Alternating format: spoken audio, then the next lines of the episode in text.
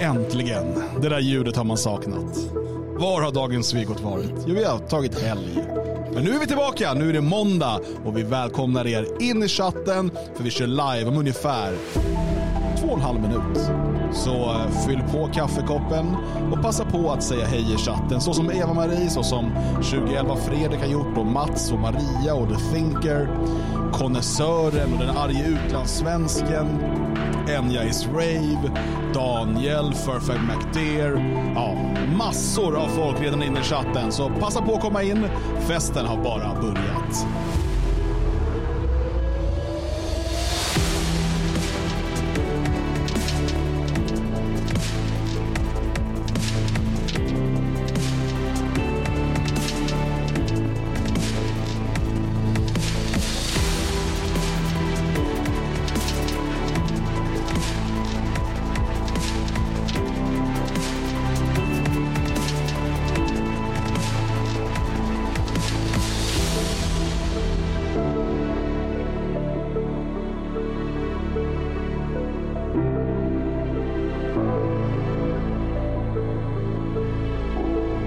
Alltid hjälpa till genom att eh, bjuda in vänner och bekanta, dela i sociala medier och säga nu, nu drar Dagens Svegot igång, kom in! För det kommer bli superintressant och viktigt att hänga med i det här avsnittet.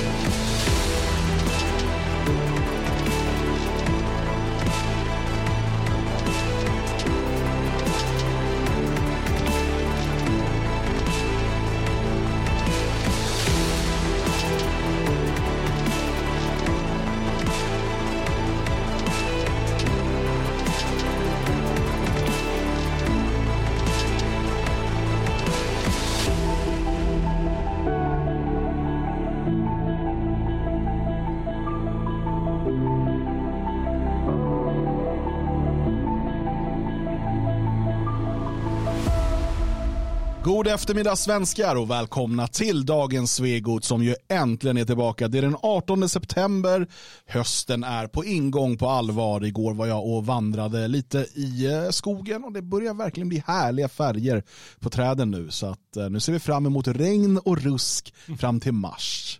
Ja, hur är det med er kära kollegor? Jo, det är alldeles utomordentligt bra. Inga, inga eh, olyckor alls under Inget helgen. att prata om. Nej. Ingenting jag vill prata om, förutom att jag har fruktansvärd smärta i kroppen efter en... eh, Efter en... eh, Om du skulle sett den andra killen.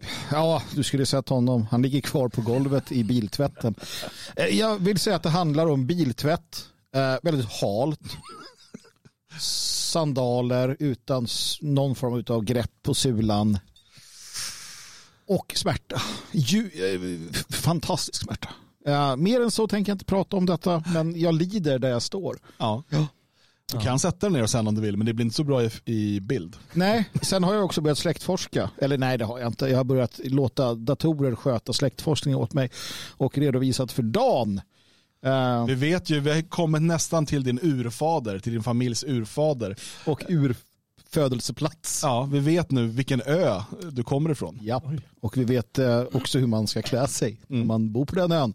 Men det kanske kommer mer av det här framöver. Eh, mer än så säger jag inte nu. Kanske. Jalle, du lever och frodas. Eh, ja, då. jag var också ute och kollade lite på eh, den sköna naturen i gårdagens solsken.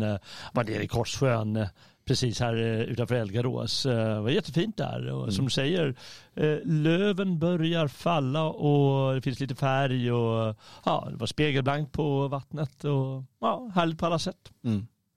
Fint, Ehm, men nu är vi tillbaka redo för en ny vecka med fem sändningar ifrån Dagens Svegot. Vi sänder ju live varje dag här klockan 14 och vi kommer ha mycket intressant att tala om och det har vi redan idag. Så att jag säger så här, vi går in på huvudämnet direkt.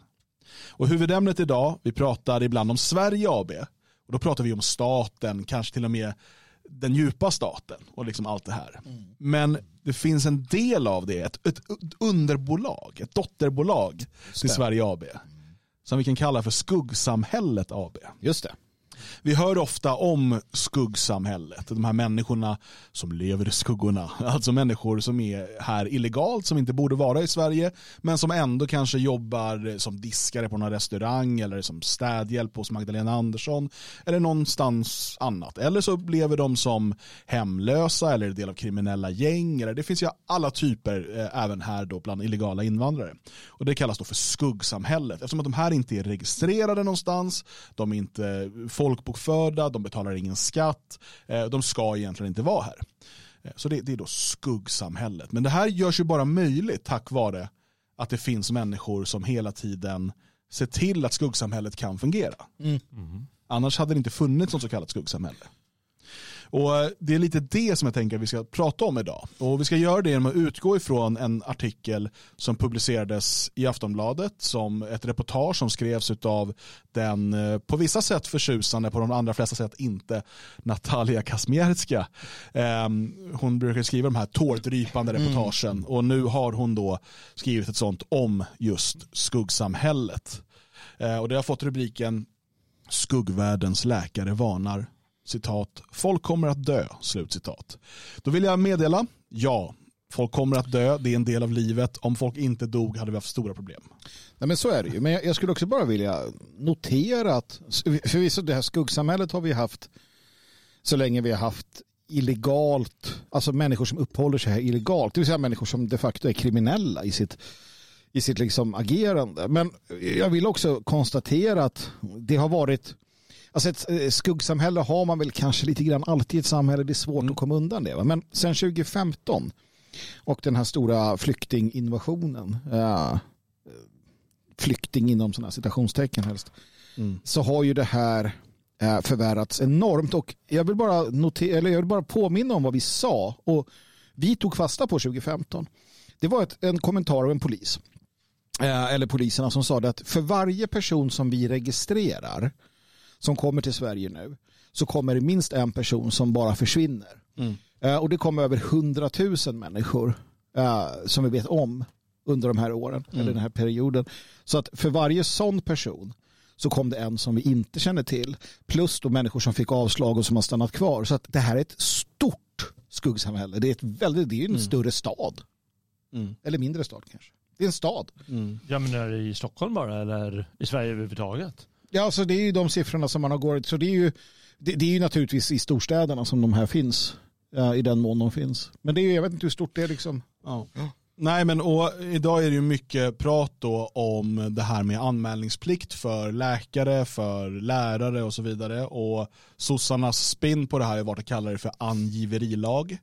Eh, och det är ju det som man försöker trumma in hela tiden. Man eh, har hållit demonstrationer där eh, olika schatteringar av den socialdemokratiska rörelsen, alltså fackförbunden, eh, har eh, demonstrerat mot att de ska, då som de säger, behöva ange illegala invandrare när de dyker upp i deras skola eller på deras eh, vårdcentral eller vad det nu må vara.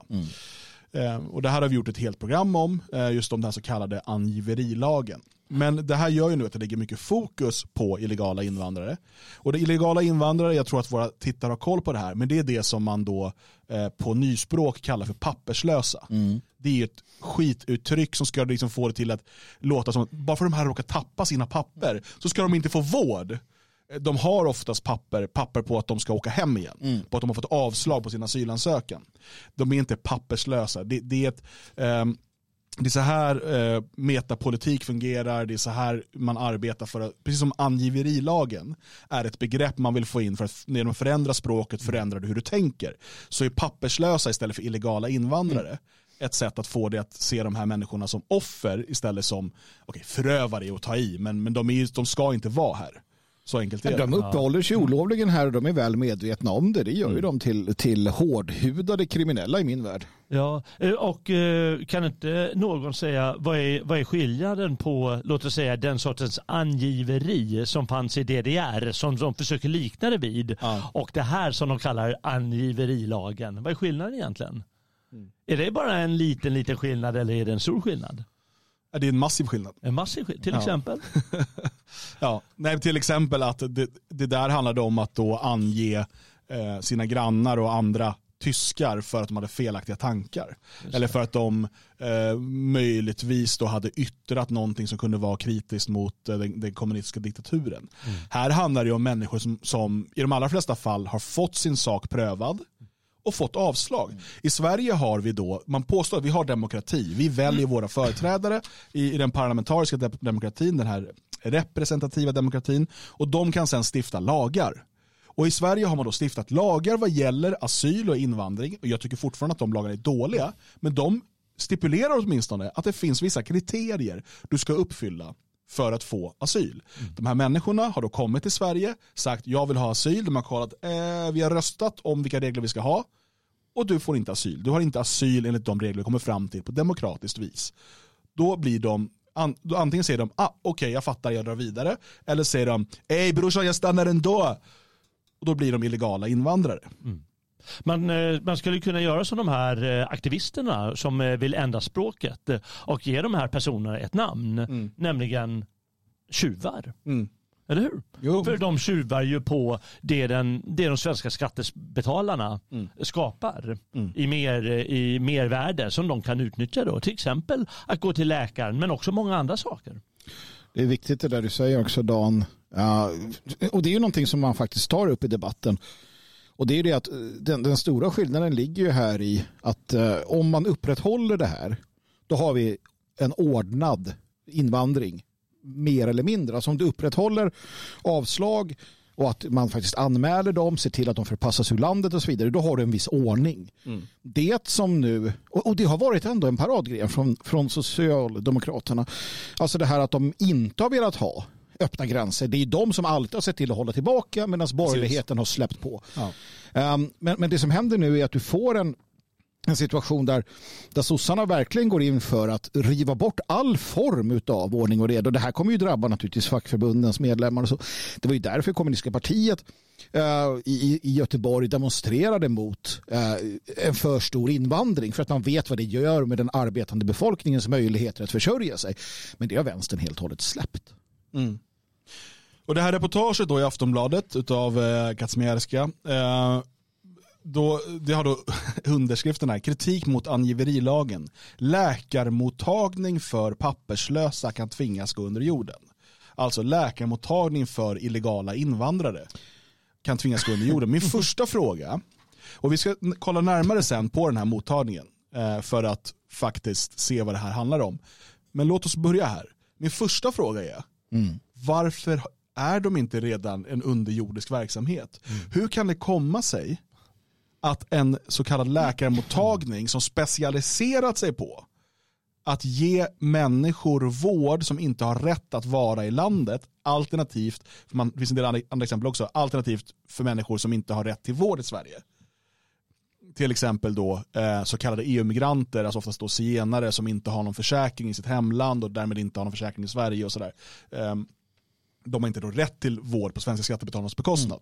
Mm. Eh, så de kan också gå till den här eh, mottagningen då. Men de har specialiserat sig på då de som inte betalar sin försäkring och de som är här illegalt. Mm. Att en sån verksamhet verkar helt öppet i närheten av Stockholms centralstation och inte underjordiskt i någon källare där man måste knacka en kod och liksom, du vet, känna någon som känner någon och så vidare. Eh, det i sig är ju fog för en riktig artikel om liksom, varför, om vi nu har beslutat om regler och lagar, varför ser man inte till att de efterlevs?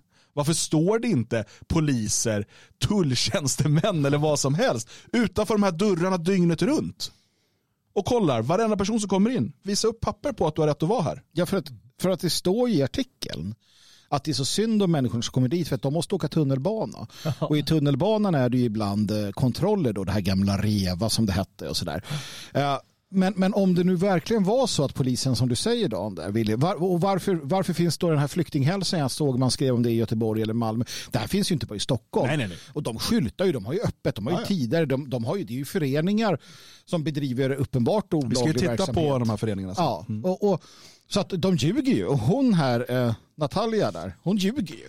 För att det är ju inte, eller ljuger hon, hon väljer i alla fall att skriva på ett sätt som gör att man får för sig att det är riktigt, riktigt illa för dem att gå dit. Men jag menar, det är ju en, det är en lokal, de betalar ju hyra och polisen vet ju att de är där. Troligtvis släpper polisen av människor där också. För att polisen är ju en del av det här skådespeleriet. Mm. Som, som antagligen har pågått länge. Jag vet inte hur länge den här sortens eh, kliniker har funnits men jag pratar om en person här som har varit utvisning, haft utvisningshot i 16 år. Ja. Och då, kan man, ju- då börjar man undra lite, då är det väl ändå någonting som stämmer. Ska den personen år efter år gå till den här kliniken och få vård? Jag menar, det, det, det, någonstans måste väl ändå gränsen gå. Jag vill bara ta den första meningen här. Eh, för att jag vill att vi ska ha det i bakhuvudet sen. För den står så här. Medicinerna ligger sorterade i lådor och delas ut gratis. Får svenskar gratis medicin? Nej. Nej. Och då tänker man, ja men vadå, vem som helst kan väl få donera och liksom ge bort Ja, medicin till ja, folk. nej, nej. Ja. Men vi kommer snart komma till hur vård för illegala invandrare finansieras. Ja. Och hur gratis medicin till, in, till illegala invandrare finansieras. Ja. Illegala invandrare får gratis medicin, svenskar får det inte. Jag vill bara fråga här också. Här är ju då en person som kommer in då som, som har diabetes som saknar insulin. Alltså måste man inte ha recept på insulin? Alltså, Jo. kan vem som helst köpa det och ge bort det? Nej, men kanske att eh, läkaren där skriver recept på en annan person och sen får de ut Så att du menar att de här läkarna här möjligtvis då gör sig skyldiga till brott i sin tur? möjligtvis. Ja, Det- vi säger inte att det är så, men Nej. om det nu är så att man får insulin här, ja. det är inget man bara kan köpa. Nej. Eh, men, men den första man pratar om här då är ju då Mohammed. Mohammed, jag Mohammed som det. har en trasig fot då. Eh, och han, han kommer då från Iran. Och då står det så här. Här har han sökt asyl, fått avslag, tagit sig till Tyskland och skickats tillbaka hit. Nu är Mohammed inne i en ny asylprocess och smärtorna har kommit tillbaka. Han har alltså fått avslag. Han är inte flykting. Nej, du får inte asyl. Då säger han, jag provar Tyskland. Går till Tyskland, söker asyl. De säger, du ska söka i första land du kom till. Enligt Dublinförordningen. Aha, okej, du åker tillbaka till Sverige. Och då söker han asyl igen. Och så kan han hålla på så här och mjölka systemet och parasitera på svenska skattebetalares hårda slit. Och sen sitter Natalia Kazmierska och tycker synd om honom. Så en fin bild på honom här på mottagningen. Det verkar vara en ganska avancerad mottagning. Ja, jag tycker det är kul då, för han sitter ju där tillsammans med läkaren Claes Ytterbrink Nordenskjöld. Det är en fantastisk människa. Och jag började titta upp vem den här Claes Ytterbrink Nordenskjöld var. Han, jag vill bara säga det, han är med i Aftonbladet. Han berättar att han hjälper de här människorna. Eh, som, eh, jag, jag tycker också att här borde finnas så att ja, sitter kriminalunderrättelsetjänsten och bara wow, okej, Nordensjö. Nordenskjöld verkar älska att vara i media. Ja, men det är klart. Eh, här har vi en artikel från 2021 i den vänsterextrema tidningen Syre om hans familj. Eh, som då lever klimatsmart. Ja, eh, vi lever ett fantastiskt rikt liv. Alla kan ställa om, säger pappa Klas. Han är väldigt duktig på det där. Men vet ni hur god han är? Nej, hur god är Han är jättegod. 2017 Ja. hade han med hela sin familj i tidningen igen. Nej. Eller innan. Eh, och då, det, då var det i den kristna tidningen Dagen. Då Oj. berättar de att de blev veganer för Guds skull. Alltså för Guds skull. Inte för, inte för Guds skull, Nej. utan för Guds skull. utan eh, de märkte då att eh, de såg djurens lidande och det, som kristna då så fanns det bara en möjlig väg för deras familj och det var att äta veganskt för att hedra Gud. Men Jesus käkar ju firrar för fan. Det ska vi inte prata högt om. Eh, den här familjen är otrolig på att vara i media. Här har vi en artikel från Sveriges Radio. Nej, men, Ja, och den här är från 2021. Här är då hans fru då, Sara Ytterbrink Nordenskjöld. Hon byter kläder med sina grannar. Det är väl klart att det ska bli ett reportage i radio. Man skulle nästan kunna tro att den här familjen är kopplad in i det mediala etablissemanget på något sätt. Att du menar att man känner någon eller att det är något sånt. Det här är, det här är, ja, det, det, är helt eh, fantastiskt hur, hur samma familj liksom dyker upp gång på gång i media och är Vi- goda. Vi har ju sett sådana tidigare, sådana här eh, experter eller annat som bara kom, inte experter men så här från folket som dyker upp med. Det är som att de har någon, någon sån här kartotek eller vad heter det, sån här uh, Rolodex. Där de så här, ah, där tar familjen. ja, det. ja, det, men de har ju ett litet index där så så ja, behöver du den här sorten, behöver du den här sorten, behöver du den här sorten. Mm. Självklart. Du, eh, den där bilden visar också vilken stor, den där lokalen måste ju Oj. kosta multum. tänker Den kostar 960 000 eh, om året. Oj. Eh, men vi kommer till det snart. Mm. Vi ska kolla på deras årsredovisning snart. Ja, just det. Spännande. Ehm, men här, ja, det var det här som du sa där, eh, Jalle. Eh, de pratade med Claes Ytterbrink där och så vidare. Så säger han, en gång träffade de en människa som levt under utvisningshot i 16 år. Många plågas av depressioner och självmordstankar. Man orkar inte hur länge som helst, säger Christer Nordling som arbetar som samtalsstöd.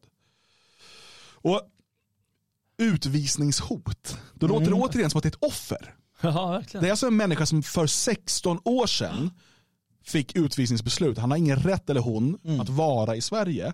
Men har uppehållit sig illegalt och parasiterat på svenskarna i 16 år. Då pratar vi verkligen inte om offer, utan faktiskt om förövare. För varje resurs de tar, Ja, tar de från någon annan. precis. Och eh, då ska jag säga, när du säger det ändå, att det står här på flera ställen att ja, men det finns folk som inte vågar åka in till de här sjukhusen. Antingen för att de blir happade på tunnelbanan eller går till, eh, till någon vårdcentral för att de kan bli angivna som de kallar det och så vidare. Eh, och till exempel nämner de, ja, det är kanske är någon som inte vågar gå och, om de har risk att få hjärtinfarkt. Och då frågar jag, hur många gamla svenskar är det som inte förhindras att, gå, att få vård för sin hjärtinfarkt i Sverige? Ja, men det är ju otaliga gamlingar som, som ja, ja, men då sitter jag hemma och, och det, jag plågas lite, för så är det ju att vara gammal. Ja, men då plågas jag hellre än att belasta vården. Som kanske inte ens finns för att sånt här ska dra resurser. Men man, man blir ju fundersam, 16 år. Man tittar på bilderna här, det är alla varierande åldrar. Och någon var på väg och skulle jobba svart på kebabhaket och så vidare. Uh, ännu en orsak till att du inte ska hålla på och äta sånt där om du inte eh, håller på att gå under. Um, alltså man, man måste förstå hur djup, bred och, och eh, stor det här skuggsamhället eh, återigen är. Alltså. Det är ju en, helt, det är ju, det är ju en parallell ekonomi. Parallella rättsväsenden, parallella, och det vet vi ju händer i parallella samhällsstrukturer. Så dyker upp parallellt rättsväsende, para, parallella liksom läroanstalter eller allting blir parallellt. Va? Och det här med sjukhusen, det är ju en del av detta. Det, det är ju inte, det är inte det att alltså, de upprätthåller ett system som i grunden faktiskt drabbar människor ganska illa. De här människorna kanske hade kunnat ha det bättre än vad de har i, som, som eh, underjordiska flyktingar i Sverige. Ja, men inte bara det, utan det stod ju om eh, den här kvinnan som jobbar på kebabhaket. Mm. Okej, hon jobbar kanske inte heltid och får inte pass hela tiden, men hon sa att hon får 130, 000, 130 kronor i timmen. Svart. Svart. Och det är 20 000 i månaden om man jobbar heltid. Det är inte så jäkla dåligt. eh, Om det är svart och du inte betalar skatt. Liksom. Ja, speciellt Det är om vården är helt gratis. Ja, du får gratis vården medicin. är gratis, ja. ja. Precis, ja. Så det är inte alls så synd som alla, eh, om alla de som Sen är det klart att det är nog ingen, inte en jättekul livssituation generellt sett. Men det är egentligen egalt för Ja, de människorna ska det. inte vara i Sverige. De har fått ett, ett avvisningsbeslut eller ett utvisningsbeslut beroende på vad, av vilken anledning. Alternativt har de aldrig anmält sig här. Mm. Eh, för att de vet att de inte har rätt att vara här. Men där har du ju nästa steg. Alltså det, det rullar ju, det blir ju en, en, en sorts cirkelrörelse här. För man, man låter dem stanna kvar för man orkar inte bry sig om att uh, utvisa dem. Ja, Man skiter i den delen av politiken. Ja, men då jobbar de svart. Och då så eh, då betyder det att det finns en massa verksamheter som kan ägna sig åt den här sortens eh, eh, svartjobb. Och så blir det en helt, och sen så är det läkare då som också ska ha någon form av, låt oss kalla det svart eh, eh, verksamhet. Och så bara skapas det en hel sån industri som bara ska, och det kommer bara bli större och större och större och större ju längre åren går. Är det bra för samhället? Ja, men det var ju det du, du var inne på Dan initialt. Att, alltså hela, det här, hela den här processen som jag... Alltså det bästa vore ju om, om de här människorna for illa. Alltså för att då skulle det, det här skulle försvinna. Men hela den här strukturen blir ju egentligen bara mer och mer avancerad. Om du, för det var det du pratade om lite grann i USA här. Där vi ser Ja, att, du pratade innan sändningen. Ja, precis. Vi pratade innan sändningen. Där vi har kunnat se det här systemet där i princip så du kan leva ett helt liv som öppen, illegal och du kan låna pengar och du kan göra allt möjligt. Lite beroende på vart du hamnar i landet. Ja, och det är det. Vi håller alltså på att cementera det här. Och, och, och det var det vi sa. Ja, men det, och det är Att det precis, ske. för det som blir då det är att vi kommer bygga upp och cementera de här eh, parallellsamhällena. Och sen kommer med, med eh, ojämna mellanrum komma krav på amnestier. Mm. För att nu har de varit här så länge. Eh, Det är klart att de, precis, alltså det är exakt den debatten jag sett från USA. Man kopierar det här. Och det möjliggörs ju tack vare, eller på grund av de här eh, läkare i världen och massor av liknande organisationer som, som jobbar med just det här. Ehm, så att det, ja, det, det är otroligt. Jag la fram här nu också deras eh, årsredovisning då, Läkare i världen. Ja, var får de pengar Ja, ifrån? jag tänkte att vi ska fokusera på dem Jag idag. inte. Som sagt, det finns många sådana här organisationer. Men det här var den som det handlar om i Aftonbladet, så det passar ju bra att vi faktiskt ehm, tittar på just den. Jag, hade, jag kände inte igen den, kände inte till den här Nej, jag säga. ehm, det är inte kanske en förening man hör om så jätteofta. De bildades på ehm, 80-talet i, i Frankrike. Jaha. Eh, Det här är den svenska avdelningen som bildades på 90-talet då. Vi ska komma mer eh, tillbaka till det om en stund. Eh, och det är en, en ganska liksom, förening som omsätter rätt mycket pengar. Nettoomsättning förra året på 11,5 miljon. Mhm. Det är ju f- tre och en halv, nästan fyra gånger så mycket som det fria Sverige omsatte. Mm. Mm. Eh, så det, det är en stor eh, förening på det sättet. Det är det. Eh, och inte fanns det mycket kvar efter allting. Det fanns 39 000 kvar när, det var, Mm. ja, när, det var, när året var slut så att säga. Du ser. Eh, och då tänker man så här, men hur går det här till då? För jag såg på deras hemsida man kan bli medlem. Mm. Medlemsavgifter då som kom in under 2022 var, håll i er nu, för nu förstår man här, nu förstår man trycket Ja. bakom detta, hur många som faktiskt vill ha det här. Mm. 5 811 kronor. Men det är ju inte alls mycket pengar. Det är mycket mindre än vad det fria Sverige har i medlemsintäkter Ja, säga. 11 miljoner, så 10... De har 11,5 miljon. Utav det är 5 811 kronor medlemsavgifter. Nej, Men då vänta, äger de då en massa fastigheter? ah, du tänker så, så har de en massa Ja, återkommande precis. inkomster. Ja, och sådär. jätteägande av Ja. någonting. Ja, de har ju övriga intäkter på 262 000. Ja, men du ser. Ja, där. Men det är Börjar- ändå- börjar- Så det kan vara något. någonting att de har sålt pins eller något Ja. kanske. Ja, Men ja. väldigt lite ändå, för vi är inte ja. ens uppe i den där halva miljonen Nej, men det, över men det var ju 11. ändå en ökning från 5 000 Ja, till så- 200 000. så det måste bli en 205 000, jättestor ökning som Men det dessa finns andra inga andra, det finns inga andra post. Vilken Jo, de har fått gåvor också då. Eh, Vi ska Ah. Ja. spesa dem snart på 405 000. Ja, ja, men nu börjar vi ändå... Det men du- saknas ju det drygt går 11 miljoner. ja, Ja, 11 ja. miljoner. eh, Men det fortsätter väl i den här... gissa var de kommer ifrån? Nej. Från er skattebetalare. Vad menar För du? hur finansieras vård för illegala invandrare? Ja. Jo, med skattepengar! men det det är tänka mig. bidrag från staten och ifrån eh, kommuner och regioner. Ja, detta är helt sant. Vi fortsätter ner i denna, eh, denna årsredovisning där man då spesar upp det här. Jag kan inte tro på Eh, det här. Det är väldigt fint uppspesat här nämligen. Eh, man vet jag vet inte exakt från vad de får det. Jag såg att myndigheten för ungdoms, nej, MUCF, de gav dem någon miljon. Okej, det, okej. Resten vet jag inte riktigt. Men offentligt stöd har man då fått. Från kommun och region 1 715 318 kronor och från staten 8 826 317 kronor. Det här är alltså en förening med sitt uttalade syfte att ge vård till illegala invandrare. En förening med ett uttalat syfte att ge gratis vård och gratis mediciner till illegala invandrare. Kom ihåg det här nu. Svenskar måste inte bara betala sin egen sjukförsäkring, de måste inte bara betala sina egna mediciner och sina egna läkarbesök. De måste också betala för illegala invandrares, inte med frivilliga bidrag, Aha. utan med tvång. Om vi inte betalar för detta så hamnar vi i fängelse. Men- Om, det är sant. Lyssna nu kära svenskar. Om du inte betalar för illegala invandrares vård, alltså om du säger jag vägrar betala skatt till det här, då hamnar du i fängelse. Då kommer de och tar allt du äger och har och kommer inte ihop tillräckligt med pengar för vad staten vill ha, då sätter de dig i fängelse. Så antingen betalar du illegala invandrares vård plus din egen vård plus din egen sjukförsäkring, annars hamnar du i fängelse. Men jag tänker om man, om man startar en förening vars jobb är att se till så att människor som rymmer från fängelser får, kan fortsätta vara på fri fot. Det är ju brottsligt. Jag tror inte att man får göra det. Men det här är alltså tillåtet. Det här blir ju väldigt skevt. Vad är det för signal som regeringen Kristersson... Känns det kul? Så här? Jag menar, vadå, 11 miljoner. Det här är bara en av många sådana här föreningar. Mm. 11 miljoner. Vi pratar om om man i genomsnitt betalar in, det är kommunalskatt ofta, men typ 200 000 säger vi på en normal arbetarlön i skatt. Ja, då har vi alltså mm, vad? Eh, 130 80 pers som jobbar heltid mm. ett helt år mm. för att bara finansiera den här föreningen. Oh, tänk om det är du, tänk om det är du! Ja, men det här är, alltså, man måste förstå hur sinnessjukt det här är. Hur man pratar om att man har ordning och reda i, i migrationspolitiken som Stefan Löfven alltid sa. Mm. Mm. Samtidigt som man betalar ut pengar så att illegala invandrare ska få gratis vård. Ja. Tänk om folk hade förstått och kopplat Men. ihop hur onda de här politikerna egentligen var. Aha. Hade Palme inte bara men nu, nu måste jag ändå bara fråga en sak här, för jag har inte riktigt sett om det står där.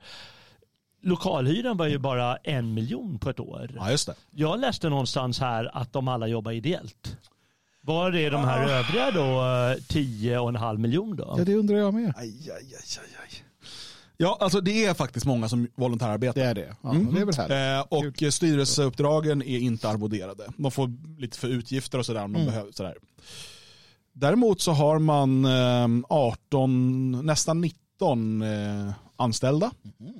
18,8 då, det är inte någon, alla jobbar inte heltid. Nej, nej. Eh, som ska ha lön. Eh, Och dessutom har man en generalsekreterare som har 632 000 plus sociala avgifter och så vidare. Oj. Oj, oj, oj, oj, oj. Och man skriver faktiskt om det här. Man, man skryter ju då på sin hemsida. Jag bara tänkte, det, general, det är ungefär som en ordförande, eller? Ja, det är någon som leder Så det är som arbetet. du i det fria Sverige. Ja, jag, jag, vi ska ha en diskussion sen med ja, förtroenderådet. jag känner att här behövs det ju höjas lite. Man, man eh, skriver då, eh, de skriver här, vår lokalt anställda personal får löner som ligger i nivå med lönerna, eh, ska vi se, där. Som ligger i nivå med lönerna hos andra jämförbara arbetsgivare i landet, såsom andra icke-statliga organisationer, ideella organisationer och staten. Eh, vår styrelse och styrelseordförande har ingen ersättning för sitt uppdrag utan arbetar helt ideellt. Lönen för generalsekreteraren är idag 53 500 kronor. Vi pratar alltså inte om typ ens en svensk medianlön, alltså typ 34 000 som det Nej, är nej, nej. nej. för att säga, ja men du ska ha ett normalt liv. nej. Utan du ska hamna liksom i det topp 5%. Ja. Ja. Där ska man ligga då.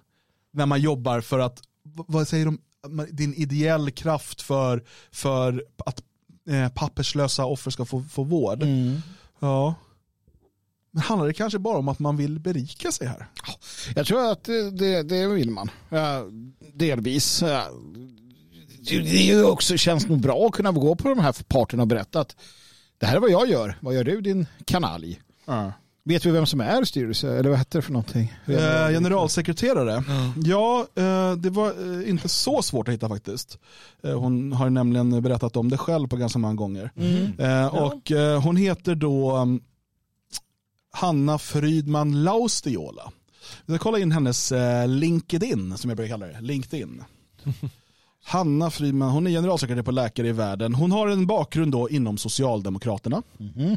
Hon har varit talskrivare Oj då. Oj åt då. eh, sossarna. Jaha. Eh, hon har också jobbat på Amnesty. Mm. Hon har bara jobbat på skattefinansierad, Ja. i skattefinansierade arbeten. Är det sådana här som vi kallar för trans...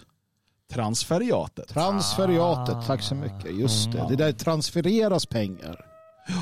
Och Oj. man tittar vidare här liksom. Hon är ju välutbildad. Hon har, gått, hon har studerat utomlands. Oj. Hon har studerat Master of Arts, Public Policy, Oj. Nej, Tel Aviv University. Tel Aviv. Det ligger ju... Nej, Dan. Va? Vad är det som händer, Dan? Nej. Jag kan inte tro på det. Är det så? Vem Är det- är denna Frydman Ja. Laustiola? Är det Det måste du sant? få veta. Vem är hon? Eh, jo, det är så att eh, Frydman Laustiola, eh, som då har jobbat för, Socialdemokraterna, Amnesty och alla andra sådana här skattefinansierade saker. Hon är då dotter till Basia Frydman Åh, syster Yster. och eh, Thomas Laustiola. Vi kan kolla in Basia Frydmans eh, Wikipedia. Mm. Asia Frydman. Eh, Fridman flyttade vid två års ålder med sin familj från Polen till Uppsala och började tidigt uppträda. Hon läste som barn dikter på jiddisch i judiska församlingen. Um, och sen då tillsammans med sin man Thomas Laustiola och Pierre Frenkel grundade hon Judiska teatern i Stockholm. Det här är då eh, generalsekreteraren som ska ha 53 500 eller vad det nu var, ja, 53 500 för att vara generalsekreterare för att på ska, svenska skattebetalares pengar ge gratis sjukvård till illegala invandrare som inte ska vara i Sverige. Jag tycker att det är jättejobbigt att hela tiden behöva upptäcka de här sakerna.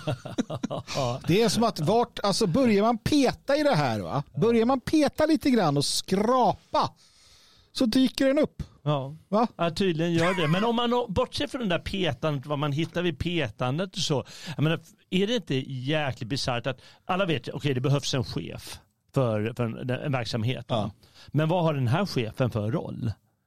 Det är förstås att ragga pengar från staten. Så är det. Eh, Och hon och- är ju socialdemokrat så hon är ju per- perfekt Precis. i den rollen. Och hon, hon, har faktiskt, hon började faktiskt sin karriär på just eh, läkare i världen. Eh, för eh, en he- mängd år sedan, 2008, så var hon praktikant där. Sen gick hon vidare och jobbade på Amnesty International i en herrans massa år. Innan hon började jobba på någonting som var Parliamentary Forum on Small Arms and Light Weapons. Eh, ja, eh, när hon hjälpte parlamentariker. Sen så gick hon och jobbade för Socialdemokraterna. Eh, där hon då hjälpte 18 stycken eh, parlamentariker med talskrivande och skrev debattartiklar och så vidare. Hon är liksom, var liksom den grå eminensen bakom som såg till vad som skulle sägas och tänkas. Eh, och sen blev hon då kommunikationschef på Läkare i världen och nu har hon tagit över som generalsekreterare. Det är ju bara att inse att eh, judar generellt sett är jävligt mycket godare och trevligare än en annan. Ja, tydligen. Eftersom de alltid hamnar där. Liksom. Men måste man verkligen Var jude? Nej, Nej, nej, nej, men jag tänker så här, måste man verkligen berika sig på andra människors eh, misär? För det är faktiskt vad man gör här. Ja, det har hon ju gjort hela livet. Amnesty och allt möjligt skit som man håller på med och skrivit. och Det är ju att För jag tänker så här, om, om, om- vi säger nu att jag, mm, att jag, jag är eh, fröken Frydman och jag eh, brinner nu för de här stackars eh, papperslösa migranterna och deras rätt till sjukvård. Jag ser varje dag, det kommer in Mohammed, han har ont i foten och, och Fatima, hon har ont i huvudet och de får ingen vård i Sverige. Mm. Om jag avstår 20 000 till i månaden Mm. så får jag ändå en bra lön, alltså en lön som man kan leva på. Och sen så kan ju ännu fler få vård. För det är ju det jag brinner för. Mm. Men det gör inte fröken Fridman. Nej, men eh, hon eh, har nog tvingats på det här av styrelsen kanske. Att hon måste ha den här... eh, Mm. Eller så var det så att när hon var talskrivare där på sossarna så, så vande hon sig vid en viss nivå utav liksom... Men det är det här som är transferiatet. Ja, exakt. De lever på att stjäla eh, liksom arbetande människors pengar och berika sig på det. Ja. Och den här sektorn eh, är så oerhört stor. Ja. utav de här människorna som, som rör sig mellan de här organisationerna, myndigheterna, eh, institutioner och så vidare. Och, och oftast har väldigt väl betalt för det. Eh, och som inte bidrar med någon typ av liksom, nytta i samhället. Mm. Och istället så ser vi då en, något av världens högsta skattetryck på de som arbetar. Mm. Eh, och, och, och som framförallt idag med liksom den situation som är nu med inflationen och så vidare. Många har jäkligt svårt att få liksom månadsekonomin att gå runt. Samtidigt som då Frydman stjäl svenskarnas pengar för att hon ska ha en topplön och dessutom ge gratis vård till illegala invandrare, något som svenskar inte får. Sen kan man ju någonstans ställa sig frågan kanske också.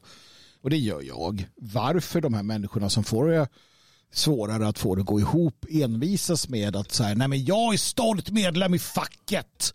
För det är bra att vara så jag ska betala mina avgifter. Och sen går facket ut och samarbetar med de här för att förstöra för dem. Men den kopplingen ger man fan i att någonsin dra. Eller så säger ja men eh, Maggan, vi röstar på henne. Alltså mycket är ju också att man binder ris för egen rygg av olika skäl. Och, eh, det där är ju alltid lika frustrerande. Vi hoppas att folk kommer tillbaka till fadershuset och förstår hur grundlurade de är. Men man, och, och, och, det bygger på att man får dem att se de här sambanden. Man måste förstå att när facken sluter upp, alltså den socialistiska maffian, så gör de det för att, för att hjälpa makten, sosseriet, inte sina medlemmar. De hatar sina medlemmar. Ja. De vill bara ha sina medlemmars pengar. Är du med i facket, gå Man kan betala a-kassa utan att vara med i facket. Ja. Det är möjligt. Ja. Så skit i facket. Pissa på facket. Fuck facket. Ja. Nej, och jag tittade lite vidare på det här läkare i världen då. Eh, och det är en, eh, intressant, som sagt den bildades redan på 80-talet då i, ehm, i Frankrike.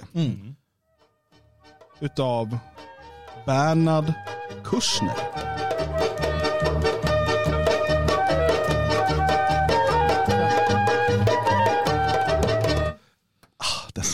Tillfälligheter och slumpar som hela tiden slängs i ansiktet på mig. Och Jag vet Den inte vad jag ska jävla göra. Kletsmen alltså. Alltså vad är det för människor som har hittat på den musiken? Ja, det är väl Det är ju härligt, man Nej. Klättsberg. Inget bra med Man vill ju dansa och, och skära av liksom lite, lite grann på guldmynt. Skär av Ja. öronen. Just det, Stoppa man. in de avskurna Ja. öronen Nej, men eh, öronen. när du nämner det här eh, eh, när det grundades och så vidare. Jag vet inte hur det var för det här på 80-talet. Men det är, mer, det är mycket möjligt att det var många fler som var i fält då. Och eh, det är det som stör mig mest. Eh, Och det är att den här verksamheten den blir mindre och mindre i fält och mer och mer på eh, plats här istället för där den borde vara. Och det är ju på grund av givetvis flyktingindustrin samtidigt har blivit så jäkla bra på att få hit och då muta då hela vägen så att de får hit alla flyktingar. Jag tycker man borde förbjuda Läkare utan gränser att verka i andra länder. Det här är Läkare i världen. Ja, det är också ganska intressant. Eh, Läkare i världen, så kollar man på deras redovisning, då är det så här nationellt arbete inom Sverige, jättemycket. Så internationellt arbete, typ ingenting. Nej. Okej, jag Ja, fattar är den svenska avdelningen av Läkare i världen, men det blev bara ett roligt begrepp. Ja. Då, liksom. Ja, men de, de ska ju inte vara här på plats, eller i Sverige, utan de ska vara på plats där borta, där, där de så att säga behövs. Men de är inte där. Jag tycker- ja. grann i alla fall. Kanske. Ja, de kan vara där och så kan de felbehandla. Men, men vad ser vi nu då? För jag menar, vi har ju sett den här eh, invasionen som just nu pågår. Ja. Eh, och Lampedusa blir en symbol för det såklart. Det kommer tusentals eh, afrikaner varje dag. Och eh, vi ser då hur framförallt kvinnor ifrån Västeuropa eh, åker ner som frivilliga, står och dansar, twerkar sina rumpor om mot det är dem. till den här musiken då. Mycket möjligt. Ja, att de inte är så klättsmer istället. Eh, Jag kan rekommendera en artikel på Svea Ting som publicerades. Vi har ju där eh, Israel Aid som ju har finansierat många av de här båtarna och så vidare. Mm. Också spännande, men ja, det, är en annan sak. Eh, men jag, jag undrar, liksom vad, eh, vad ser ni här framför er de kommande 20 åren? Alltså det som händer på Lampedusa nu, kommer man stoppa det? Nej, det är uppenbart att man inte gör. På Svea Ting som eh, vi eh, skriver på idag om det här så tittade jag på vad eh, van der Leyen, van der Leyen, hon var ju nere hos eh, låtsasfascisten Meloni. Jag är så arg på henne nu så att jag, ja. Och sa så här, men EU vi har tio pu- punkter för att hjälpa er. Ja. Och det tiopunktsprogrammet finns där på Svea Ting. Och jag kan säga som så att ingenting i de punkterna, ingenting hindrar det som händer på Lampedusa nu. Det här kommer bara fortsätta. Utan det handlar om att fördela, fördela. det handlar om att, att eh, skapa säkra vägar, det handlar om att folk inte ska dö på Medelhavet. Jag menar, det är det de borde göra. De borde ju skjuta sig sank på Medelhavet. Det är enda sättet att stoppa det och så vidare. Så det finns ingen som helst. Utan det som händer nu, och nu börjar man ju prata om att det blir samma volymer som 2015. Så det här är rond två. Alltså rond ett var ju, om man säger så att spiken slog in, slogs in halvvägs då.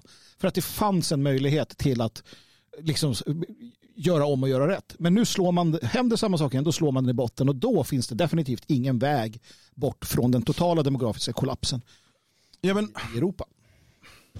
ja, och samtidigt, vi har gjort ett program i förra veckan ehm, där vi pratade om liksom, eh, den, den här kollapsen som Sverige står inför. Mm. Och det är ju som sagt Sverige är inte ensamma i det utan framförallt hela väst men egentligen hela Europa står inför en liknande demografisk katastrof eh, där det här pyramidspelet håller på att Ja. ramla samman. Och den enda lösningen, eh, lösningen inom jättestora citationstecken här är ju då massiv invandring för att då fylla på så att befolkningspyramiden inte står helt upp och ner utan man får in unga människor som kan arbeta i teorin. Eh, Jag lyssnade på eh, Anders Lindberg, han var med i den här podden Sista måltiden här i helgen. Eh, Och han var väldigt tydlig. Han sa det, han både vill och tror att vi kommer få en kraftigt ökad an- invandring eh, inom kort. Eh, och han menar att det är det enda sättet vi kommer kunna rädda våra pensioner och vår välfärd och så vidare. Och det där argumentet har vi hört massor av gånger tidigare. Men han är väldigt, väldigt tydlig. Och han, väl, han sa att han var emot Socialdemokraternas omsvängning och han tror att det där kommer, ehm, kom, det kommer svänga igen. Eh, och han har ju bra känningar i partiet så eh, han, vet nog vad han pratar om. Och det är helt enkelt, just nu spelar man ett spel, man vet att det finns invandringskritiska, en invandringskritisk opinion och så vidare i Sverige. Eh, Men den kan man bearbeta över tid och framförallt så länge folkutbytet pågår så blir det svårare och svårare för svenskar att göra sin röst hörd, där vi blir en mindre och mindre del av befolkningen. Som dessutom inte på något sätt är, vår del av befolkningen är inte heller homogen när det gäller åsikter. Så att säga. verkligen, verkligen. Ehm, så, eh, och, och, och så samtidigt så har vi eh, miljarder som läggs på att den här politiken ska bli verklighet. Vare sig det är via läkare i världen och deras, ehm, deras eh, sjukvård till illegala invandrare. Eller eh, om det är olika opinionsbildande eh, institut eller om det är eh, religiösa muslimska friskolor eller vad det nu än är. Allt, det är bara, vet, svenskarna går och arbetar. Vi är något av det mest, alltså de folken med lägst arbetslöshet, om man säger till etniska svenskar, i hela Europa. Eh, vi är också några av de absolut mest plikttrogna skattebetalarna eftersom att Socialdemokraterna införde källskatt i Sverige, alltså att arbetsgivaren betalar din skatt och inte du. Svenskarna vet knappt att de, vad arbetsgivaravgift är och hur det funkar. Utan vi betalar oerhört mycket skatt och vi har väldigt lite skattefusk sett till resten av eh, världen. Skattefusk, eh, ska, det är inte fusk, det är, behåll dina pengar. Ja. Ehm, samtidigt som vi, da, varje dag du går till jobbet så föder du eh, folkutbytet. Och det är väldigt svårt att komma undan det om du inte ska leva ett urfattigt liv på gatan. Utan eh, alltså så, så är Sverige uppbyggt och det, det är snillrikt uppbyggt på det sättet. Så hur, alltså, jag menar, jag ser egentligen bara att det här samhället går åt ett håll. Jag tror precis som Anders Lindberg Ja, ja. att vi om kanske 10-20 år kommer ha en riktigt massiv invandring till Sverige. Mm. Ja, men det kommer fortsätta som nu. Eh, Det, det kanske under en period går ner igen. Och, och så där. För det man måste förstå det att flyktingströmmen, så kallade flyktingströmmen, nu är alla flyktingar för den delen. Så att de som kommer nu, det är ju då eh, Subsahara i allt väsentligt och, och där i krokarna. Ehm, och eh, det, det är outtömligt. Alltså Afrika fördubblas som befolkning till 2050. Det är, en, det, det är outtömligt. Det, det, det finns ingen ände. Alltså, Nej, de- och inga av problemen i Afrika, som också kommer bli fler, Ja, ja. både människorna och problemen där, inga av dem löses av att 5% eller 10% av dem kommer till Europa. Nej, och, och jag menar om 10% kommer till Europa när de är här och har kommit in, då har de liksom byggt på med 10% till så att det fylls på hela Ja, ja. tiden. Ja, ja. Um, och det är det vi måste förstå. Och jag vill bara lägga in där då att enligt vissa uppgifter, och det kan ju inte vara sant, men enligt vad jag har hört så, så finns det en generell Alltså, tänk om det vore så illa att de människorna som kommer därtill också har en IQ som bevisligen inte ens kan upprätthålla ett demokratiskt system. Jag säger inte att det är så, men tänk om det var så illa. I sådana fall så faller ju hela Anders Lindbergs idé om att vi fyller på med 300 000, 600 000, 900 000, men de klarar inte rent kognitivt av att, att liksom fungera i en civilisation. Det, så illa kan det inte vara va? jo, det kan det vara. Och eh, det behöver inte ens vara så. Utan det finns inte den formen av infrastruktur i Sverige för att ge, låt oss säga alla så kallade papperslösa, om vi säger att det är ett par hundratusen, kanske 300 000 i Sverige som är det. Eh, eller vad tror ni? Det kan inte vara 10 000 bara. Nej, nej, Utan nej, nej. vara par, över 300 000. 100 plus Ja, det måste vara. 200 Eh, över, ja. Det finns ju ett tillfälle, möjlighet för, för den svenska infrastrukturen att få alla dem i, i arbete. Det, det, det, så, det funkar nämligen inte så. Man kan inte bara ta en gigantisk, en jättestor klump människor eller någonting annat och bara sätta i systemet. Ja, så, som, eh, så som Reinfeldt drömde om på planet eller om Ja, det var Annie Lööf eller någon så sån där dåre. ja. Vi är så stort här. Det får ju plats jättemånga människor, men vad ska de göra? Och jo, den sortens jobb finns inte. De måste gå i skola för att lära sig. De måste, måste gå i lärlingsskola för att lära sig om inte annat och jobba där ett par, tre år. Och för att komma dit så måste de göra en, jätte, en gigantisk apparat, det vet vi alla. Det är därför det tar ett helt jävla liv att lära sig ett gäng regler för att klara sig bara på gatan här. För att man ska göra rätt. Och det kommer aldrig ske, alltså kan det inte funka från första början. Det är omöjligt. Ja, nej jag vet inte. Jag, det är det här jag tycker att Anders Lindberg till och med han borde förstå. Men också de andra som kommer nu tjuta om, om högre Eller större invandring. Jo men alltså du måste tänka på att eh, Anders Lindberg ska gå i pension om eh, 15 år har han tänkt. Mm. Han måste, se- vem ska då jobba och betala? Okej, om det nu var någon som trodde det så kan vi bara slå hål på en myt. Det är inte så att när, när du tvingas betala din pension, pensionsförsäkring eller vad de nu kallar det för, i sociala avgifter. Eh, det är inte så att de pengarna läggs på ett konto åt dig. Eller du vet, något där räntebärande konto eller någonting. Och sen när du blir pensionär så kan du ta ut dem. Utan de går ju till de som är pensionärer nu. Mm. Och Så att när du går i pension, då måste det finnas tillräckligt många som betalar in tillräckligt mycket för att du ska få pension. Men, men, men alltså fortfarande, alltså Anders Lindberg vet ju, han vet väl hur det ser, ser ut på vårdhemmen och, och i pensionsvården idag. Ja, men mer invandring så kommer det finnas folk som kommer in och jobbar där. Ja, men det, är ju, det- det är ju efterblivna, outbildade Hashtag inte alla. som inte kan, nej inte alla, men Men, men, nej, och, men, men det man måste ha klart för sig, och det här är så himla viktigt, jag vill verkligen att ni förstår eh, vart vi är på väg någonstans. För jag tror att väldigt många, även bland er som tittar, sitter och liksom tror på ja, men jag ska gå och liksom dela ut flygblad eller rösta på ett parti och så kommer det här ändra sig. Eller bara visa fakta. Eller bara tillräckligt många får uppleva mångkulturen. Bla, bla, bla, bla, bla. Det är så stora saker i rörelse här. Ja. Eh, så att eh, du, du måste förstå vart Sverige är på väg någonstans och vad svenskarnas position kommer vara. Och inte bara nog med svenskarna, de som vi brukar kalla de fria svenskarna, de som vill ha en svensk framtid, för alla svenskar vill inte det. Vad kommer vara vår roll och vad ska vi göra? Det är det här om... Sluta slösa bort din tid på massa annat jävla skit. Du- Tack. Du har helt rätt där och det är det vi alltid säger att eh, vi måste göra som läkare i världen. För det kommer ju komma många, många fler sådana här organisationer. Om det blir då tiotusentals som kommer eh, varje månad. Eh, som Anders Lindberg drömmer om. Och det är nödvändigt. Fast de kommer vara helt, eh, vad ska jag kalla det för, eh, de här läkarmottagningarna. De, de kommer vara så att säga legala, för de som kommer vara där kommer vara legala på många sätt. Men vi måste ha läkare i Elgarås, läkare i Skaraborg. Det är vad vi behöver. Och det är här faktiskt jag tycker att vi till viss del kan lära oss av vänstern.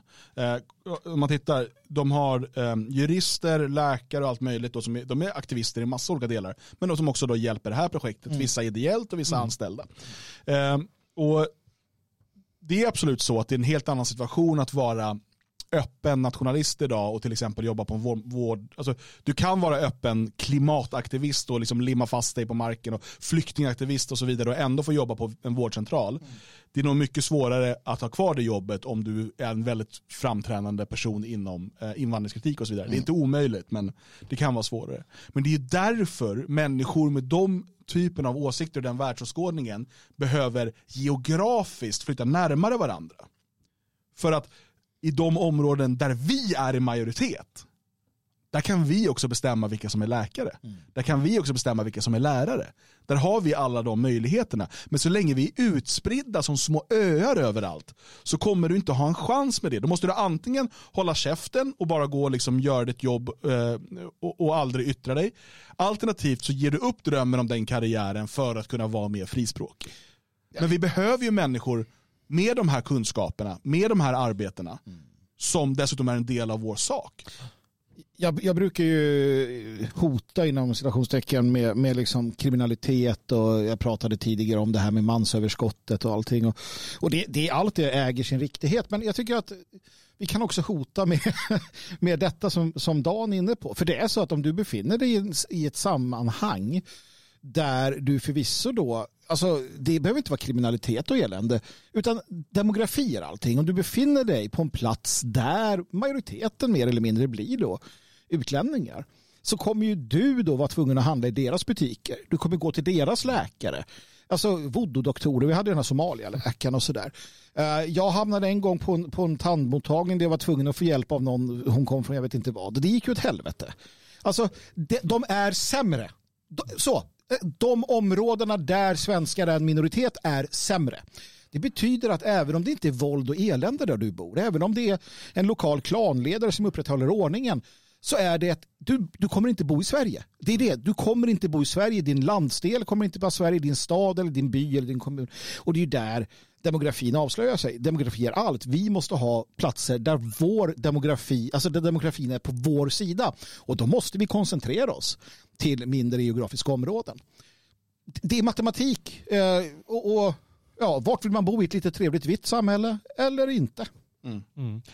Man, ska, man ska inte sticka under stolen med att de har mycket enklare än sån Oh ja. här, en Oh ja. förening. Ja. För de får ju 11 miljoner i statsbidrag och vi kommer inte få det för att ha en, en, en läkarmottagning Nej, nej. här i trakten. Så de har ju förspänt på ett annat sätt men ja, man får bygga långsamt. Det Jo, man, det man kanske, jag menar, det krävs ju det behövs ju läkare och så. Här är ju en enorm omsättning. Tänk att ha en läkare som inte slutar efter ett år.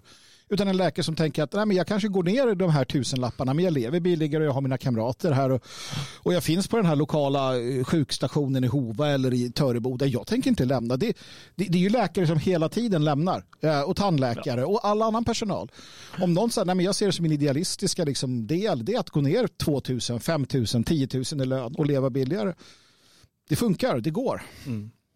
Jag vill uppmärksamma er på att vårt förlag, eh, Logik förlag, eh, är på gång med en ny utgivning. Eh, boken är på väg från tryckeriet hit till oss i Elgarås och kommer att ehm, släppas då till den 2 oktober. Den heter Asatro, en europeisk ursprungsreligion. Och den är skriven av Steve McNallan. Vem är Steve McNallan och varför ska man läsa det här Magnus? Ja, så Steve McNallan är ju nå- nå- någonstans eh, en av de absoluta grand old man av, av asatro. Um, framförallt den här uh, nya asatron som kommer från USA. Han har hållit på sedan 70-talet. Um, och, och så att säga drivit den här typen av, uh, ska vi kalla det församlingar. Kanske de blir arga på mig, hedningarna. Men, men eh, alltså, utforskat både intellektuellt och ritualistiken och, och att få en levande kultur kring det här. För att jag menar, asatron är ju lite problematisk i det att uh, mycket kommer ju från de kristna och, och mycket får man liksom, liksom uppfinna igen då eller försöka förstå sig på hur, hur kan man ha gjort det här. Och det är egentligen det han har gjort här och det har han gjort länge. Um, han är också etniskt medveten vilket gör dem mycket, mycket mer intressant än de som inte är det. Och det här, är någon, det här skulle man kunna kalla för då standardverket när det kommer Mm. till det här som äntligen då finns på svenska. Mm. Och eh, eh, bäst för alla som lyssnar är att eh, se att det är någon som har eh, sänkt priset där. Ja, precis. Eh, Vi har lagt in en eh, 10% rabatt om man förbeställer. Ah, Så om man ja, förbeställer nu innan 30 september eh, så skickas den ut först av alla, får man den liksom utskickad. Mm. Eh, och dessutom får man 10% rabatt då, ehm, mot vad priset kommer ligga på efter. Mm. Nu är jag inte säker på att det kommer ligga något pris efter, för att så mycket som förbeställningen har gått nu under dagen, sen kom Mm. Ja. ett mejl om det här, så kan ju första upplagan kanske vara slut redan innan den har kommit hit. Ja. Eh, så vi får se när, vad andra upplagan, den, då blir det dubbla priser. Ja, det blir minst. minst. Ja, nej, men då, vi vet ju inte heller när den, det, nu ligger ju alltid pipeline här. Vi får se som sagt, jag tror att den kommer ta slut här inom några dagar faktiskt. Ja, men den är väl värd återigen att, eh, att eh, inhandla och läsa om man är intresserad och det ska man vara av Ja. sitt arv. För att det här är en intressant, eh, en mycket intressant bok. Mm. Okej, eh, vi, det här drog ut väldigt mycket på tiden så jag tänker att när vi kör uh, Hänt i historien här nu så gör vi en liten sammanfattad eh, kort variant av det. Eh, och vi låter det här programmet ligga helt öppet Ja. för alla i efterhand. så gör att eh, eh, du som inte är stödprenumerant eh, men gärna vill ha tillgång till våra program i efterhand eh, framöver, du kan bli det. Det är egentligen superenkelt. Du går in på svegot.se support och sen tecknar du en stödprenumeration och då får du tillgång till hela arkivet. Det här programmet ligger nu ute i sin helhet även för dig som ännu inte blivit stödprenumerant. Nu trycker jag på jingelknappen. Okay, Houston, we've had a problem here. De har tömt skafferiet, ätit sig igenom visthusboden. Estonia, this is Celia, Europe. Uh, mayday, mayday. Three shots were fired at President Kennedy's motorcade in downtown Dallas.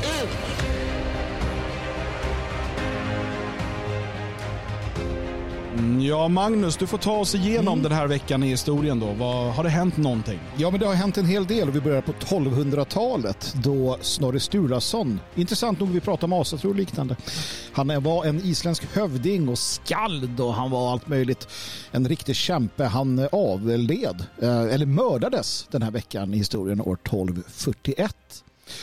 Um, och eh, tittar vi framåt, ni får, om det är något ni vill tillägga så avbryt mig bara, absolut vänner. Eh, vi går framåt till 1300-talet, slutet på 1300-talet. Då har vi Nyköpings recess som sker. Och det är alltså, eh, man kan säga att det är förarbetet till Kalmarunionen som kommer året, året efter då man diskuterar hur eh, man ska kunna ta tillbaka eh, gods och hur det ska delas ut och hur det ska, man är lite sur på, på olika ledare och sådär. Så att här läggs grunden för den där fruktansvärda Kalmarunionen då vi hamnar under danskt välde som vi ser det mera sliter bort vad det lider. Ja, jag träffade en tjej en gång eh, för länge sedan, eh, och en småländsk tjej. Och hon var för Kalmarunionen för hon älskade Kalmar sa hon. Man Det är sant. lite, Och då kände jag att vi kommer inte kunna leva ihop du och jag. jag, gillar ju, jag gillar ju naturligtvis eh, när man är så här lokalpatriot men den där småländska, hennes, eh, nej det var inte, hon var inte så smart. Hon var inte så smart nej. Hon har jättemånga barn nu. Hon var söt. Med flera olika, ah, nej. Var hon från, var hon från Kalmar? Nej, Kalmarit, när, utanför Kalmar någon, någon håla där. Småland heter det. Nybro. Men smålänningarna har alltid varit lite, lite knepiga. De och skåningarna som sagt har alltid haft lite egna idéer om saker och ting. Alingsås hörni, ha, de får stadsprivilegium av Gustav Adolf den Jag hade en gång store. en tjej från Alingsås. Och, Och hon sa att eh, Gustav Adolf var bra för det är bakelser. 1619 blev Alingsås en stad. Jaha. Jag tycker att vi ska ta bort det det första vi gör när vi väl får möjligheten. är det en stad fortfarande? Det är nog jävla... Jag vet inte, vad finns i Alingsås? Ja, några vänner förstås, men... Eller före detta vänner tror Min jag. relation till Alingsås är att jag hade en granne som jag tror var från Alingsås Ja. eh, när jag var barn. Ja. Eh, pratade konstigt. Vad är Allingssås? Alltså Allingssås också. Jag vet inte riktigt. Skitsamma. 1783, det här tycker jag är lite häftigt. Den 4 juni så genomförs världens första uppstigning med en varmluftsballong inför publik. Och det är de här uh, Montgolfier-gänget som är, som är igång här om jag inte missminner mig. Ja. 240 år sedan. Ja. Det fanns inga människor på det här. Det tog Nej, ett det- år innan man slängde på dem. Uh, men En alltså, hund däremot, det var Laika. Ja, precis. Nej, men alltså, det är så häftigt att man alltså, kom på de här idéerna. Du, vi är på 1700-talet. Va? Och, så, och så bara, nej men vad fan, vi fyller den här med luft och så ser så, se vad som händer. Det är värme här och upp med den. Finns någon, eh, finns någon film på Netflix tror jag jag såg den. De hade inte Som, kameror då, eh, nu blir det låter som Annika Strand Ja, precis. ja, men det handlar om någon sån här uppstigning och sådär. Den är cool faktiskt. Men jag, alltså, jag, återigen, jag blir ju sådär uh, varje gång så här, folk gör konstiga saker bara för att. Men jag tycker att sådana här gamla eh, flyg, flygande cirkus, heter det så? Nej, när de, när de så här klättrade på flygplan och sånt och Ja. mellan, alltså det är häftigt. Ja. Det finns lite sådana filmer, det är ingen som gör det längre, det är Nej. för farligt tror jag. Ja, ja, det var ju för att Facket, har sagt nej liksom. vi har blivit såna jävla töntar. Det är ju det. Alltså, Vi måste ha män som säger, nej men jag är beredd att dö. Varför det? Ja, men jag ska Det finns ett klipp ballongen. på, det är en, eh, ibland sprids det som att det skulle vara, att det inte skulle vara en cirkusgrej, Mm. utan att det skulle bara vara en så här räddningsaktion. Men då är det alltså en eh, kvinna som flyger upp, för det är ett plan där det saknas ett hjul så den inte kan landa. Mm. Och då flyger hon upp på ett annat plan och sen klättrar hon över till det planet och monterar fast hjulet, landningshjulet. Och, det helt, och sen landar de. Ja. Men det är tydligen någon cirkusvariant, men Ja, den ja. sprids ibland som att det skulle vara ett... Ja, det är, Ja, det är häftigt. Det är häftigt ja. Ja. Mm. Nej, det behövs mer sånt. Um, 1792, uh, nationalkonventet i Frankrike. Mm. De rackarna röstar igenom att avskaffa monarkin, Jaha. förstår ni. Jaha. Några dagar tidigare hade man stor, stormat Tuilerierna där och, och här krävt att Solkonungen var det va? Ludvig Ja. den 14 skulle avgå. Nej, inte Solkonungen utan Det var inte Solkonungen. Nej, det var, det var två andra. nummer senare. Två nummer senare, herregud. nummer senare. Eh, Men i alla fall så var det ju eh, sorgligt. Och det är sorgligt att um, Le Pen Ja.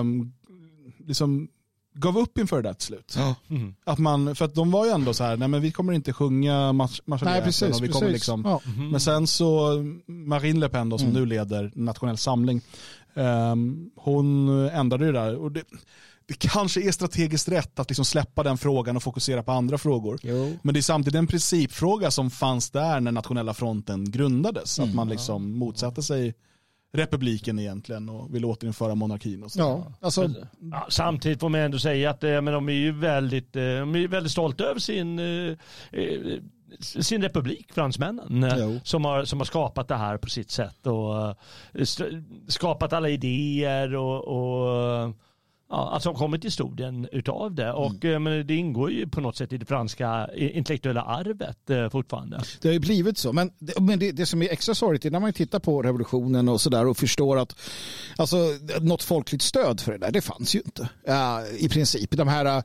hittepåerna om uh, liksom, hur, hur kungahuset levde i lyx och överflöd och bry, inte brydde sig och allting vi läser idag, det är ju primärt socialistisk propaganda. Det var ganska bra.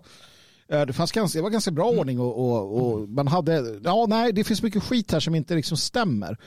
Ehm, faktiskt och det är ju uh, sorgligt när, när det blir som det blir. Jag är på Bourbonernas sida i Ja. alla fall. Vi ska införa det igen. Ja, Oroa inte, in med vänner. i Sverige. Nej. Nej, det här. Hörrni, eh, 1879 så invigs Göteborgs eh, hästspårväg officiellt. Mm. Jag bara Den kände ska vi ha att det var tillbaka. viktigt. Ja, den tycker jag. Men tänk Var det, inte, var det inte tidigare? 1800... 79. Var det 79? Var det så sent? Ja, det var så sent. Ja, jag har en bild här i sändningen Ja. eh, på Hästspårvägen, eller Hästspårvagn. Ja. ja, men det var ju ett trevligt sätt att resa. Ja. Ja, eh, det måste ju vara lite lättare för hästen då om den går på räls Ja. såklart. Ja, att ja, kunna, och kunna dra fler människor då. Ja. Så. Eh, och svår att springa vilse. Lite orolig för dock om man skulle snubbla på de här uh, tvärslåarna som går där i. Hästen? Ja, för, Ja. för vagnen fortsätter väl bara då? Ja, precis. Eller tror man hade byggt in någon säkring? Ja, men det är någon broms som kusken där. Då kallas han kusk, månne. ja, eller lokförare. Jag vet inte. Men det jag vet, och där blev jag lite glad över, och det är bara så här, ja jag vet inte, 1889, Ja. 1889, då grundas Nintendo. Just det, och det var, ju, det var ju absolut inte ett tv-spelsföretag då ska jag säga. Nej, de höll på, vi utvecklade. Nej, Nej, det de var, här tänkte då vi ska utveckla ett tv-spel. nej, det var, det var spelkort. Eh, Någon typ av spelkort som man höll på med där i, eh, i Nippon. Ja. Ja, nej, och jag tycker bara så häftigt att eh, 1889 så bara, nej men vi kör igång och sen så har de liksom hängt med uh, japsarna hela tiden. Ja, och, och liksom ligger ju, än idag så är det ett, ett jätte, jätteföretag. Liksom. Eh, 1895 så avlider Viktor Rydberg, svensk författare, ledamot av Svenska Akademin, diktare, mystiker. Vad var han mer? Eh, han var Vargivium och det var han lite led, ledsen över att ha blivit kallad. Eh, fantastisk människa. Tomten är ju ett uh, andligt program utan, alltså vi behöver ingen annan religion än dikten Tomten. Egentligen. Du kallar det för en dikt alltså? Ja, jag kallar det för en, en, en dikt. Ja, Jag trodde det var en religion. Ja, det också. En, dikt, en diktad religion. En religiös dikt. Ja. Ja, den är fantastisk. Va? Okej, om vi fortsätter Vi framåt. läser ju den eh, varje uh, uppesittarkväll vi har inför jul. Här. Ja, men ni förstår den inte. Får se i år då om vi kommer förstå den. Ja, jag tror inte det. Jag ser hur tomt det är mellan ögonen på er. då. 19- 1937 så ges eh, Tolkiens Bilbo, en hobbits äventyr, ut för första gången. Det är alltså sagor som han har läst för sin son, Kristoffer Tolkien, som han har satt samman till den här boken då, ger ut den. Ja, det är ju en fantastisk liten, eh, liten bok. Lättläst faktiskt och, och trevlig. eh, men väldigt sådär uh, djup ändå. Ja, men som jag tycker filmatiseringen är ju usel. Mm, det är ingen rolig historia det där. Ja, men de har ju gjort, eh, Den är för om. långdragen. Alltså, De gör ju nio timmar på det där lilla häftet. Det är ju Ja, det ja. att, det är det att han producenten, eller vad heter han? Eh, Peter Jackson. Peter Jackson, han visste ju att det där var hans sista. Liksom, det blir Jo, men för jag tycker att han gör de, de här första filmerna, eller Sagan Ja. om ringen, Ja, de gör han ju bra. jo. Eh, tycker jag. Det, Men, det, eh, men har- de har ju gjort det så att det ska vara en mer fungerande, vad kallar man det för, prequel till Ja. Sagan om ringen. Att Mm. de lägger in massor med grejer som inte finns i den här eh, Bilbo-berättelsen. Absolut. Ja. Sen det, eh, kan man väl tycka att det är roligt också, men det blir ju långdraget med tre filmer igen tycker jag. ja, det blir det. Det blir, det blir att man, man, ja, nej, man fokuserar på, på, på saker kanske. Nej, men sen är det intressant som sagt. Jag gillar ju Tolkien eh, generellt sett och, och hans syn på världen och, och allting. Så att, nej, tack för det Tolkien. 1955, Carl Milles, eh, svenska skulptören, avlider 19 september. En stor tysk vän mm, ja, det var han. Han en var- fantastisk skulptör. Absolut. Eh, har ni varit på Millesgården? för länge sedan. Det är fantastiskt. Det är monumentalstatyer. Det är stora verk. Du vet, finns också utspritt över hela, hela Stockholm, den här Ja. typen av Milles. Då. Och som vanligt så var det ju problematiskt efter kriget när de kom fram till att karljäveln var ju både fascist och nazist. eh, med en egen liten sådär, eh, han var inte helt nöjd med hur, hur fyren skapade ordning, men han gillade ordning sa han ändå. Och hur ska man förhålla sig till det här, det här gamla vanliga löjliga? Vänta, det var inte Bilbo som filmatiserades, det var ju Hobbit. Är det samma? Nej, det är inte samma. Ja, Bilbo är ju berättelsen om... om eh, Men filmen Hobbit, äventyr. är det... Ja, det är första, det är med trollen och du vet. Och det är den första. ja. Ja. Och sen kommer ju den andra. Efter den första. Ja, ja, För då är det ju Ja, son, ja, ja. det sondottern. Kanske blanda ihop två stycken här. Ja, men det är lätt att göra det, för det finns väldigt mycket.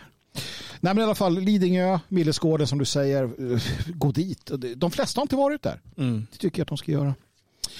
Uh, Ötzi hittas 1991 i Sydtyrolen. Ötzi, Ötzi! det gillade man ju väldigt mycket eh, på, ja, men framförallt väl på 90-talet, va? var det 91? Ja, 91 hittas den. Kommer du ihåg absolut. Ötzi? Ja, Jag kommer ihåg lite grann. Ah. Där är han ju! DJ Ötzi, DJ han hittades Ötzi. 91. Han hittades 91. Nej men Dan, det här är inte han. Det här är han som hittades i Alperna. Ja, DJ Ötzi.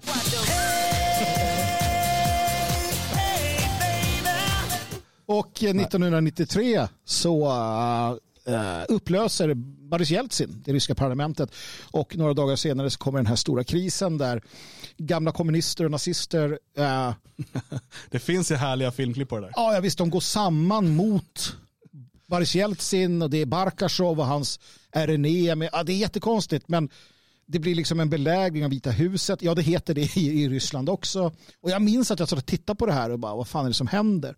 Men det är en del av sönderfallet av Sovjetunionen. Och sist men inte minst, eh, högt och lågt, 1994, alltså ett år efter att Sovjetunionen då faller samman, eh, och det här samhället bildas, då kommer premiären utav komediserien Vänner. Det är ju svårt att glömma bort.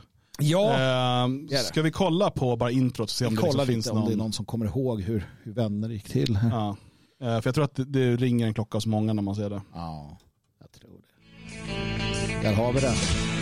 Där är de, va? Härligt. Så glada och fin tid det här. Också. Hade inte funkat idag. Där är han. Det är 90-talet.